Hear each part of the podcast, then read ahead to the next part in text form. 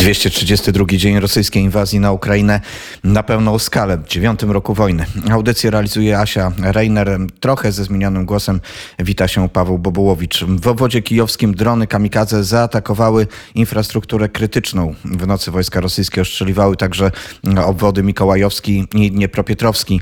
Wczoraj Rosjanie z gradów ostrzelali centralny targ w Awdijiwce w obwodzie donieckim. Zginęło 7 osób, 12 zostało rannych. Zgromadzenie Ogólne Organizacji Narodów Zjednoczonych przyjęło rezolucję potępiającą aneksję części terytorium Ukrainy przez Rosję. Za jej przyjęciem głosowały 143 państwa. Pięć było przeciw. Białoruś, Korea Północna, Nikaragua, Rosja i Syria. Wstrzymało się 35 krajów. Stany Zjednoczone są gotowe do stworzenia zintegrowanego systemu obrony powietrznej na Ukrainie. Taki system nie będzie w stanie kontrolować całej przestrzeni powietrznej Ukrainy, ale będzie chronić priorytetowe cele. Pentagon zapowiedział, że system obrony powietrznej, systemy obrony powietrznej zostaną dostarczone na Ukrainę tak szybko, jak to fizycznie możliwe.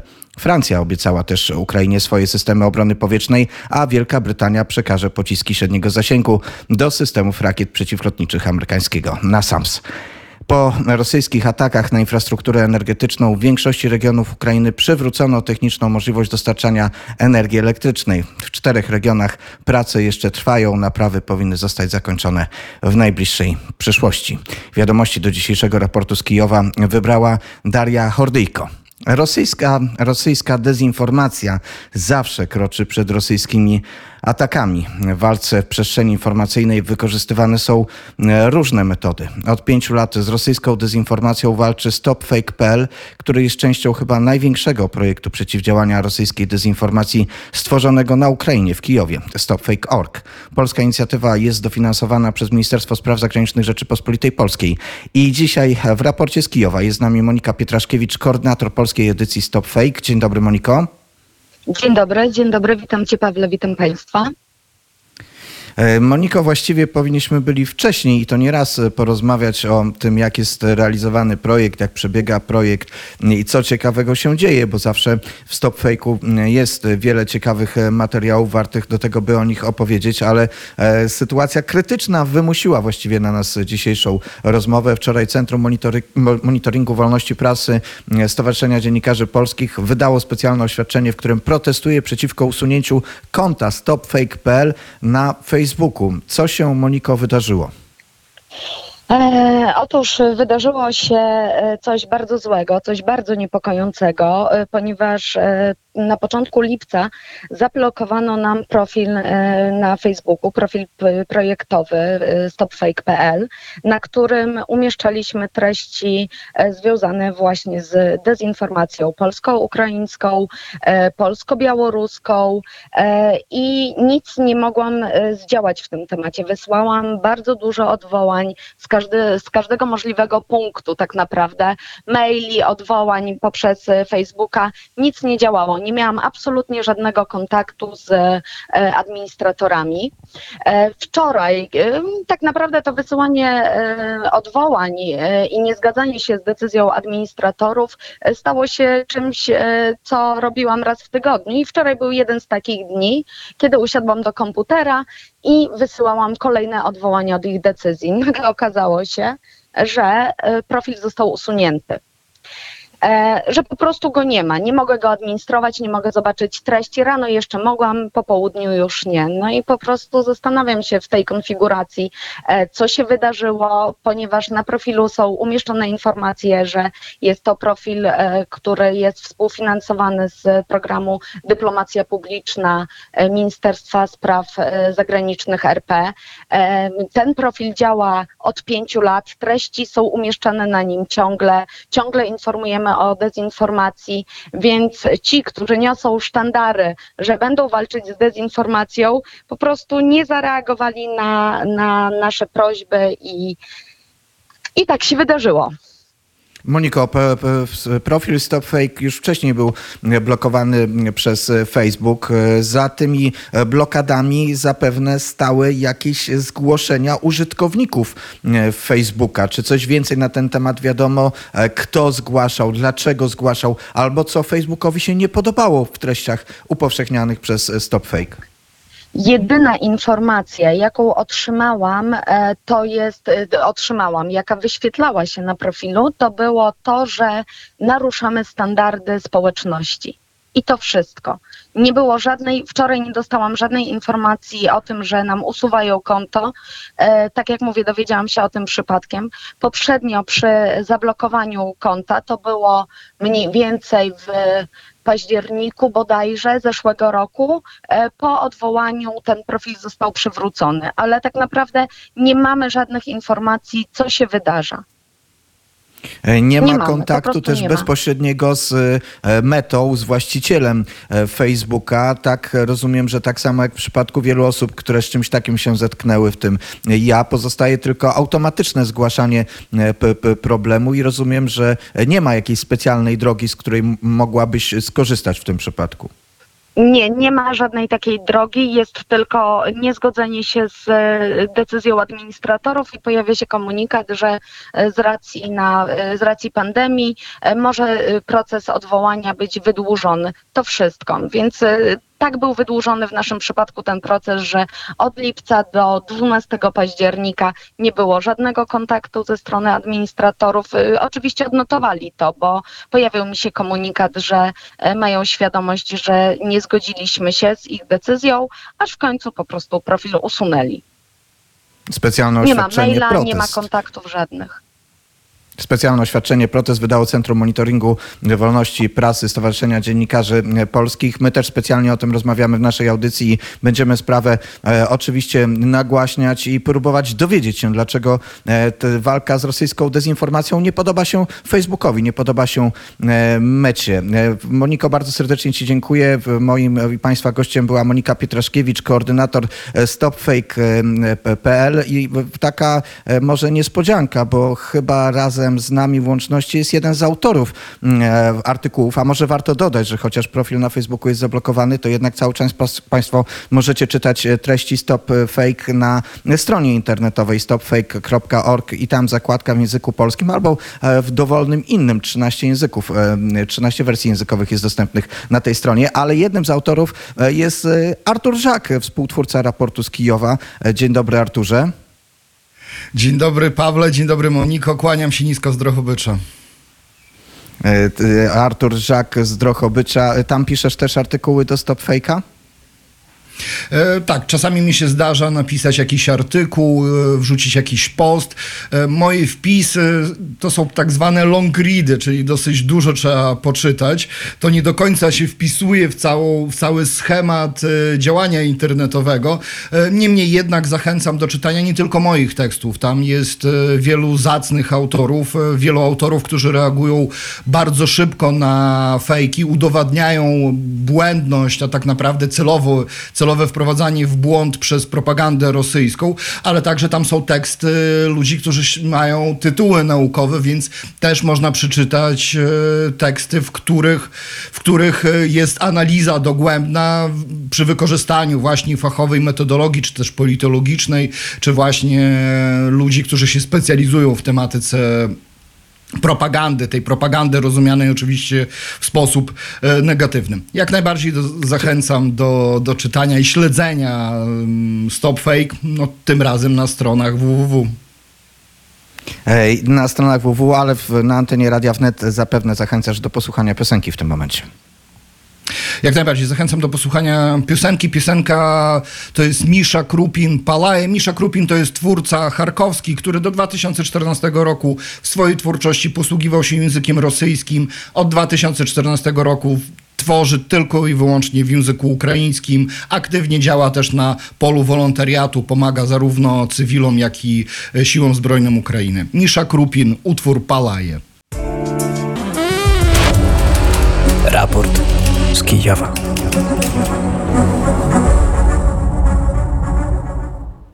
Godzina 9.46 i rzeczywiście przenosimy się do Kijowa, do którego już powrócił Dmytro Antoniuk. Dzień dobry, Dmytrze. Dzień dobry, Pawle. Dzień dobry serdecznie Państwu. E, Powróciłeś ze swojej wyprawy na wschód. Gdzie byłeś? Co zobaczyłeś? E, Byłem e, w Balaklii, byłem w Izumie i byłem w niedużej e, wiosce, która nazywa się 300 Wodziewka i znajduje się między, między Izumem a miaste, miastem Borowa, która już na przeciwległym brzegu, na lewym brzegu rzeki Oskil. No i jeździliśmy tam z moim turystą. E, Podkreślam, to jest bardzo niezwykłe w tych czasach, e, bo napisał do mnie, e, napisała do mnie osoba, której ja, którą ja nie znałem. Poprosiła, znalazłem moje kontakty na stronie pewnej turystycznej jako przewodnika jeszcze z tych e, przedwojennych czasów i powiedziała, że ten pan powiedział, że chce spędzić swój urlop jednak e, w Ukrainie, nie gdziekolwiek, a tylko tutaj, wyda- wydać swoje pieniądze tutaj. No i on pomógł też, e, kupiliśmy, stworzyliśmy 25 e, takich pakunków dla, dla ludzi, którzy tam mieszkają w deokupowanych e, wioskach i razem tam pojechaliśmy i to wszystko tam rozdaliśmy. Także bardzo dziękuję. To nazywa się ta osoba e, Michał Kałucki z Łodzi e, i przekazuję, e, przekazuję przywitanie, bo on już też wrócił do Łodzi. E, ponad tydzień temu ja też byłem e, w Izjumie i tam spotkałem e, dwie panie, z którymi przez chwilę porozmawiałem o sytuacji w Izjumie. Tę rozmowę przygotował i przetłumaczył Artur Żaki. Posłuchajcie jej Państwo. Czy były Pani tu w czasie, kiedy były wojska rosyjskie? Tak, od pierwszego dnia do ostatniego. Jak to wyglądało? Jacy byli? Jak Was traktowali? Jak odnosili się do Was? Ви знаєте, ми спочатку Proszę pana, na początku my ich nie widziałyśmy. Słyszałyśmy ich armaty, ich bomby, rzucali na nas to wszystko, wszystko wokół nas wybuchało. To było tak straszne, że nie wychodziliśmy z piwnic. Nic nie wiedziałyśmy. Zresztą powietrza też nie widziałyśmy. Pierwszy raz ich zobaczyłyśmy prawdopodobnie aż po 10 dniach. Weszli dopiero po tym, jak ostrzelali i zniszczyli wszystko wokół. Wtedy po raz pierwszy ich zobaczyłyśmy. побачили їх. Jak, вони Jak до was відносилися? traktowali? Jakie było ich nastawienie? Trudno powiedzieć. Przeżyłyśmy tak wiele, że tak dużą część już zapomniałeś. Strasznie było. Jak wjechali sprzętem na naszą ulicę, to nie mogliśmy zrozumieć, czy to nasi jadą, czy też nie. Może tam jest nasza flaga, ale gdy zobaczyliśmy ten ich trójkolor, to wszystko wewnątrz nas się ścisnęło i usiadłyśmy w oczekiwaniu, co będzie dalej. Można wiele opowiadać, ale to, co przeżyłyśmy za 6 czy 7 miesięcy, trudno tak teraz panu streścić. Czy były represje? represje? Czy zatrzymywano ludzi? Oczywiście, że tak. Oni wiedzieli, kogo szukać. Tych, co wojują, tych, co byli w ATO od 2014 roku, tych, co zapisali się do obrony terytorialnej. Tych właśnie szukali i zabierali. Nie wiemy, co się później stało z tymi ludźmi, jak już po nich przyszli. Czy oni mówili, że to ich terytorium? Co oni w ogóle mówili?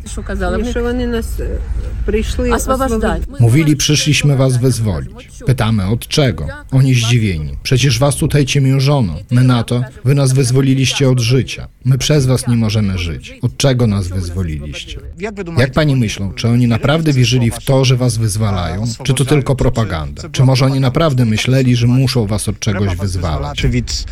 визволяти від Ну, знаєте як, напряму ж- Szczerze panu powiem, że nie rozmawiałyśmy z nimi tak bezpośrednio, jak na przykład z panem rozmawiamy. Ci, co z nimi rozmawiali, mówili, że oni w to wierzą. Co prawda niektórzy się dziwili, że mamy taki poziom życia, że wszystko mamy, że nie jesteśmy ugnieceni, że jesteśmy wolni. Mamy wszystko. Oczywiście to, co nie zostało zniszczone. Do niektórych przychodziło oświecenie i oni się dziwili, po co przyszliśmy was wyzwalać. Ale to tylko niektórzy. Większość z nich obstawała przy swoich tezach, że Izium to nie Izium, że tego miasta nie ma na mapach i teraz jesteście częścią Rosji.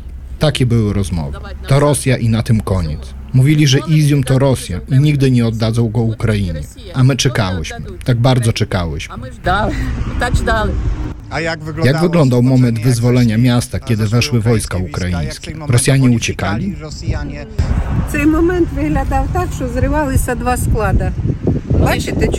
Rozpoczęło się od tego, że eksplodowały dwa magazyny. Te, co pan może zobaczyć tam dalej. Pociski latały tuż nad naszym domem. Z początku wszystko wysadzili, by później się wycofać. Wysadzali swoje czołgi. U nas na ulicy postawili czołg czy też transporter opancerzony, nie znam się na tym. Naładowali do środka pocisków artyleryjskich, podpalili, a sami wskoczyli do samochodów i odjechali. Wtedy zaczęło wszystko wybuchać. Ale najgorsze były te magazyny, bo stamtąd miliony pocisków latały nad nami. Strasznie grzmiało niemalże jakby się zaczęła druga wojna. Kiedy przestało wybuchać, oni szybko wyjechali z miasta, a my czekałyśmy. Dziesiątego pierwsze, co zobaczyliśmy, to była nasza niebiesko-żółta flaga. Zobaczyliśmy ją w lornetkę, taką malutką, ale całym podwórzem w tę małą lornetkę ją rozglądaliśmy i cieszyliśmy się. 11 już na naszą ulicę wjechali samochodami nasi chłopcy z naszą flagą. Płakałyśmy ze szczęścia i nie wiedziałyśmy, co ze sobą zrobić, jak witać naszych chłopców. Płakali od radości, nie znali, kudy sobie dzić, jak chłopcy zastryczać.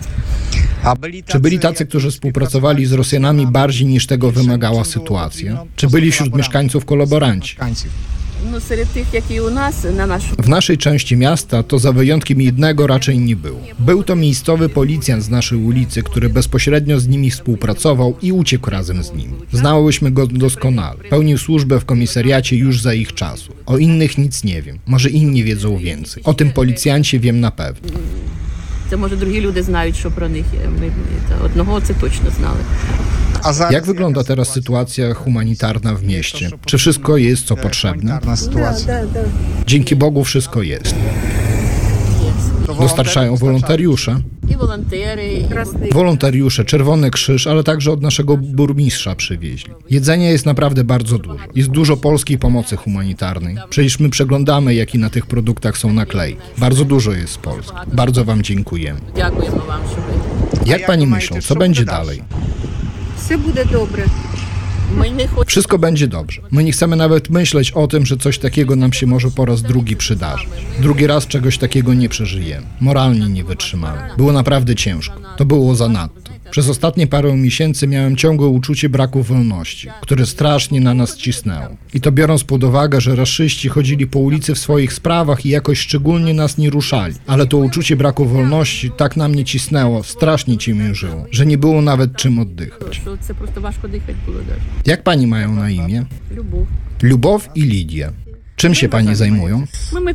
Jesteśmy pielęgniarkami. Pracowałyśmy w jednej placówce, w której zaprzyjaźniłyśmy się. I teraz nadal się przyjaźnimy. Teraz już nie pracujemy, bo jesteśmy emerytkami. Bardzo paniom dziękuję. I my panu dziękujemy.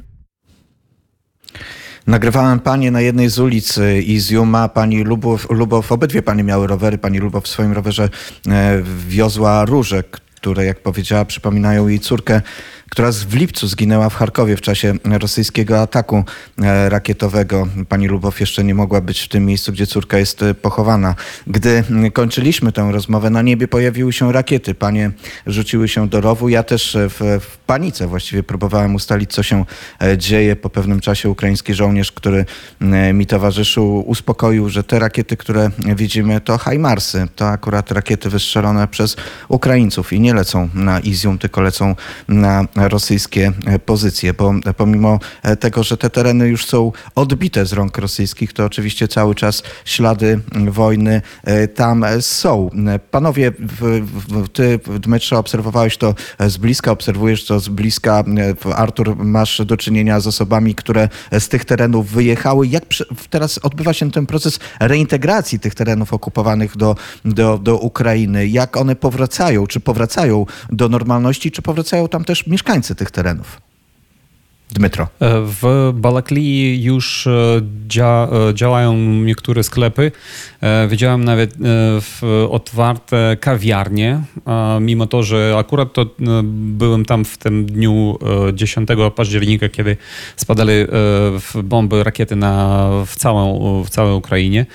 Mm, Ludzie też powoli wracają, a w Iziumie też e, obserwowałem takich e, też e, pań które tymi też rowerami, rower to jest niezbędna rzecz tam i rowerami po- poruszają się tym miastem i była pani z córką małą, także są dzieci nawet w Iziumie, chociaż w Iziumie nie zauważyłem, żeby jeszcze działali jakiekolwiek e, sklepy e, i też nie było e, podobno prądu, chociaż na przykład e, zasięg internetowy w mieście już jest. Także powoli, powoli, ale miasto wraca do życia, chociaż nie wszędzie jeszcze rozminowano.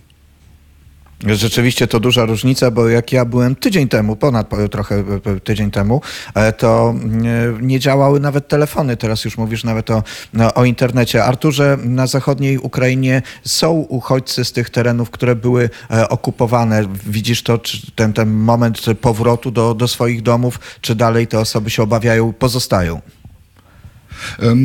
Jak najbardziej ci ludzie myślą o powrocie. Niestety, niestety ten powrót może być zdecydowanie utrudniony, bo in- infrastruktura krytyczna jest e, uszkodzona, a zbliża się zima. Łatwiej mają ci, którzy mają domki prywatne, więc mają ogrzewanie czasami na piece na opał stały, więc ci mogą podjąć taką decyzję, ale zawsze też jest w ich głowach obawa, jak rozmawiałem z paniami właśnie z Iziumu, które tutaj trafiły ranne na teren e, Lwowa, e, nie tylko obawa zimy, przed zimą, e, obawa przed e, potencjalnym powrotem Rosjan także istnieje. Więc na razie myślę, że większość tych ludzi wstrzyma się z powrotem na swoje ziemie rodzinne. Dmetro, prowadzisz cały czas dziennik, mm, w dziennik wojny i tych swoich mm, e, też e, tego, co widzisz, tego, co e, obserwujesz e, w najnowszym kurierze. Można się spodziewać twoje opowieści z tej wyprawy właśnie na tereny deokupowane?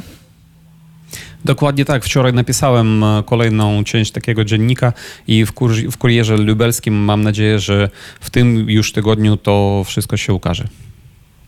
To nie tylko w samym kurierze lubelskim, e, nie tylko w Lublinie, ale możecie Państwo e, to, co pisze Dmytro, e, czytać w internecie. Taka jest możliwość i ten dziennik, niezwykły dziennik wojny Dmytra Antoniuka jest tam dostępny. Bardzo serdecznie dziękuję za udział w dzisiejszym raporcie i przygotowanie raportu. Artur Żak w Drochobyczu. Dziękuję Arturze.